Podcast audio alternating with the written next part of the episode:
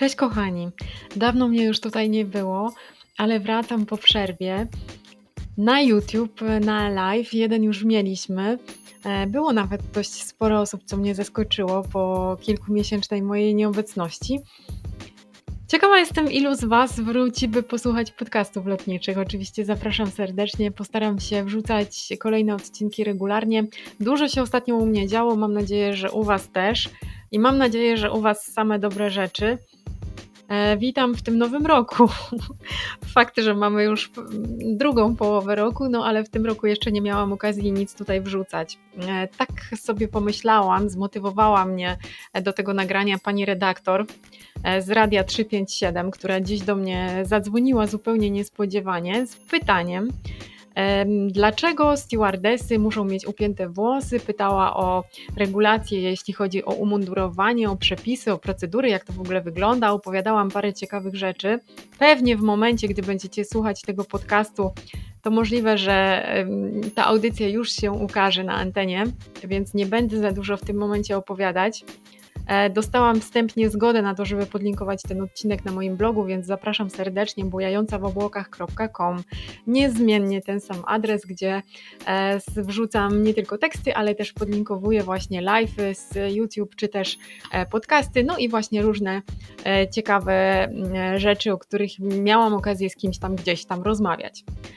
I tak właśnie dzisiaj pani redaktor z Radia 357, która do mnie zadzwoniła, zmotywowała mnie do tego, żeby troszeczkę przyspieszyć z moimi projektami, bo stwierdziłam, że skoro e, takie rzeczy są ciekawe e, dla tych, którzy interesują się lotnictwem, no to pewnie jeszcze jest e, wiele ciekawostek, o których ja nie miałam okazji opowiedzieć. Jeśli chodzi o ten mundur i o tę fryzurę, jak to w ogóle jest? Słuchajcie, to jest niby takie wszystko e, niewinnie wyglądające, gdy patrzy się na stewardessę, która przechadza się po kabinie e, i każdemu się wydaje, że no jakoś jest tam uczesana, umalowana, ubrana.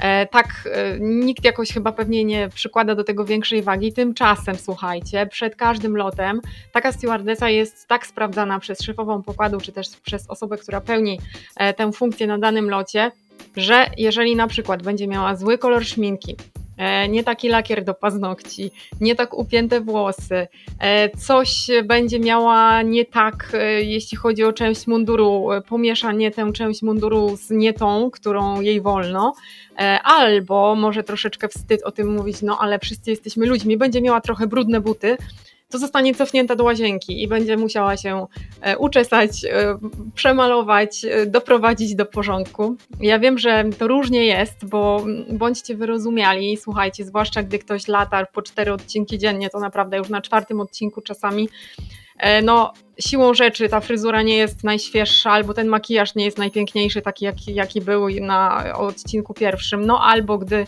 musimy wstać w środku nocy i się umalować, uczesać, ubrać, Czasami nawet w zimie jest ciemno i nie widzimy dokładnie, jak się umalowaliśmy, ubrałyśmy, czy, czy właściwie, albo jesteśmy w ogóle zaspane, bo poprzedniego dnia latałyśmy też bardzo wcześnie rano. No i kolejny taki dzień z rzędu, a możemy latać 7 dni z rzędu, e, żeby mieć potem 36 godzin przerwy, więc to wcale nie jest tak, że jeden lot e, i potem odpoczyneczek. Nie, nie, nie, w tej branży tak nie ma.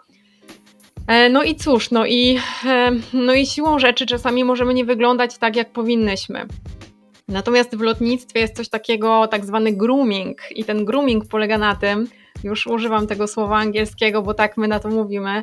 E, grooming jest ważny i mm, każda linia lotnicza ma swoje przepisy, i w tak zwanym manualu, czyli w naszym podręczniku personelu pokładowego, mamy rozdział poświęcony wizerunkowi. To jest praca, słuchajcie, wiążąca się mimo wszystko z wizerunkiem. Oczywiście, że bezpieczeństwo jest najważniejsze i ja tego absolutnie nie neguję, ale to nie może być tak, że bezpieczeństwo jest najważniejsze i stewardesa może sobie chodzić w trampkach i pod koszulku, byleby tylko e, spełniała wszystkie kryteria i dopilnowała procedur. Otóż nie. Jeżeli ktoś się decyduje na ten zawód, to musi wziąć pod uwagę to, że to jest zawód, który jest związany z wyglądem, z wizerunkiem. Ten wizerunek, ten wygląd jest w tym zawodzie ważny. To jest po prostu część składowa tego zawodu. Jeżeli komuś to nie pasuje, to po prostu nie składa CV do linii lotniczych. Nie ma się co potem buntować, że trzeba mieć makijaż albo trzeba wyglądać tak, a nie inaczej. Jeżeli mi nie pasuje chodzenie w mundurze, to nie składam CV do policji ani nie startuję do wojska, tak? Jeżeli mi nie pasuje praca z takimi a takimi czynnikami szkodliwymi, to nie pcham się tam, gdzie wiem, że to jest wymagane. I tak samo jest w lotnictwie. Jeżeli mi nie pasuje to, że ja o trzeciej w nocy muszę się umalować, uczesać, muszę wyglądać e, świeżo i pięknie, e, i ktoś będzie sprawdzał mój wygląd przed lotem, no to sorry winetu, nie składam CV do linii lotniczych. Jest to po prostu w dalszym ciągu jeszcze w większości linii lotniczych zdecydowany wymóg. No i tak to właśnie wygląda przed lotem, że ta szefowa pokładu sprawdza naszą fryzurę. No i na przykład dzisiaj właśnie pani redaktor mnie o to pytała, jak to jest z tymi włosami. Pani e, redaktor pytała, jeżeli mam piękne włosy, czy mogę mieć rozpuszczone. Nie możemy mieć włosów rozpuszczonych z dwóch powodów. Po pierwsze, bezpieczeństwo, jak wiemy w lotnictwie safety first, czyli bezpieczeństwo najpierw. Jeżeli e, wydarzy się cokolwiek na pokładzie, wiemy, że samolot to jest takie miejsce, gdzie różnych rzeczy możemy się spodziewać w trakcie lotu. Może wybuchnąć pożar, może być zadymienie kabiny, może mogą się rozlać jakieś niebezpieczne materiały, które na przykład musimy zneutralizować. Z tego też mamy notabene szkolenia. I co wtedy? Takie włosy po prostu nam w tym przeszkodzą, albo po prostu możemy tymi włosami gdzieś zahaczyć, możemy się, nie wiem, jeżeli będziemy gasić pożar, no wyobrażacie sobie z długimi, rozpuszczonymi włosami, czy też biegać po kabinie, wyskakiwać przez okno, ewakuować się, to po pierwsze. A druga część to jest higiena e, serwisu ten zawód wiąże się także z, no jednak e, podawaniem cateringu, tak? E, stewardesa w Polsce na przykład musi mieć książeczkę sanepidowską, bo jest kontakt z żywnością. No i jeżeli wchodzicie do restauracji, przynajmniej do tej lepszej, bo tak powinno być, to zauważcie, że obsługa restauracji ma związane włosy. Chodzi właśnie o tę higienę. Więc z jednej strony bezpieczeństwo, z drugiej strony higiena i dlatego te włosy muszą być związane. Jak to jest z innymi częściami składowymi wyglądu stewardessy? Otóż jeśli chodzi o makijaż, mamy podane kolory, których możemy używać. Kolory cieni do powiek, kolory szminek. E, mamy podane oczywiście nie marki i nie typy, ale kolory, tak, żeby one się w jakiś tam sposób komponowały e, z całością e, munduru, aczkolwiek też każda stewardessa dobiera to do swojego typu urody i do siebie, bo wiadomo, że każda z nas jest inna. Jeżeli chodzi o lakiery do paznokci, mamy podane kolory tych lakierów, których e, możemy używać. Paznokcie nie mogą być jakieś krzykliwe, ekstrawaganckie, nie może być żadnych zdobień, nie możemy mieć każdego paznokcia w innym kolorze. Jeszcze do niedawna w niektórych liniach lotniczych nie można było mieć nawet czerwonych paznokci, bo były uznawane za zbyt ekstrawaganckie, więc można było mieć tylko takie klasyczne, bardzo delikatne kolory, albo jakiś taki kolor, który na przykład um, był powiązany z kolorami e, munduru, tak, czyli w ogóle kolorami e, danego przewoźnika. No i tak to właśnie jest, słuchajcie, jeśli chodzi w ogóle też o mundurek, e, to nie wiem jak to jest wszędzie, ale w wielu liniach lotniczych, w których ja pracowałam, nawet ten materiał, z którego ten mundur był uszyty, on na przykład nie mógł być łatwopalny.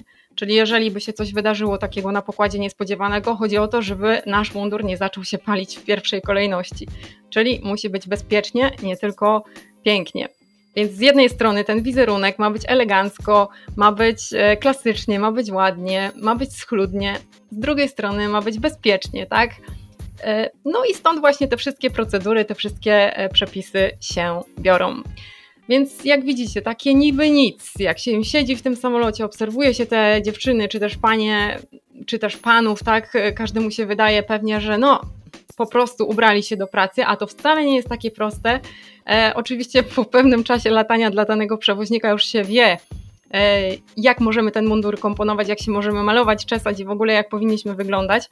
Ja w mojej pierwszej linii lotniczej miałam nawet uwagę na locie egzaminacyjnym, że mój pasek od zegarka nie komponował się e, z kolorami linii lotniczych i był to wymóg na przykład, bo w naszym manualu było wyraźnie napisane, że zegarek można mieć tylko taki, taki, taki, albo na pasku w takim i w takim kolorze. Może jest to dla Was śmieszne, ale tak po prostu było. Więc jak widzicie, jest to bardzo e, skomplikowany temat, o którym e, złożony, o którym można by długo rozmawiać. Natomiast myślę, że jak na pierwszy podcast to wystarczy. E, po przerwie taka ciekawostka.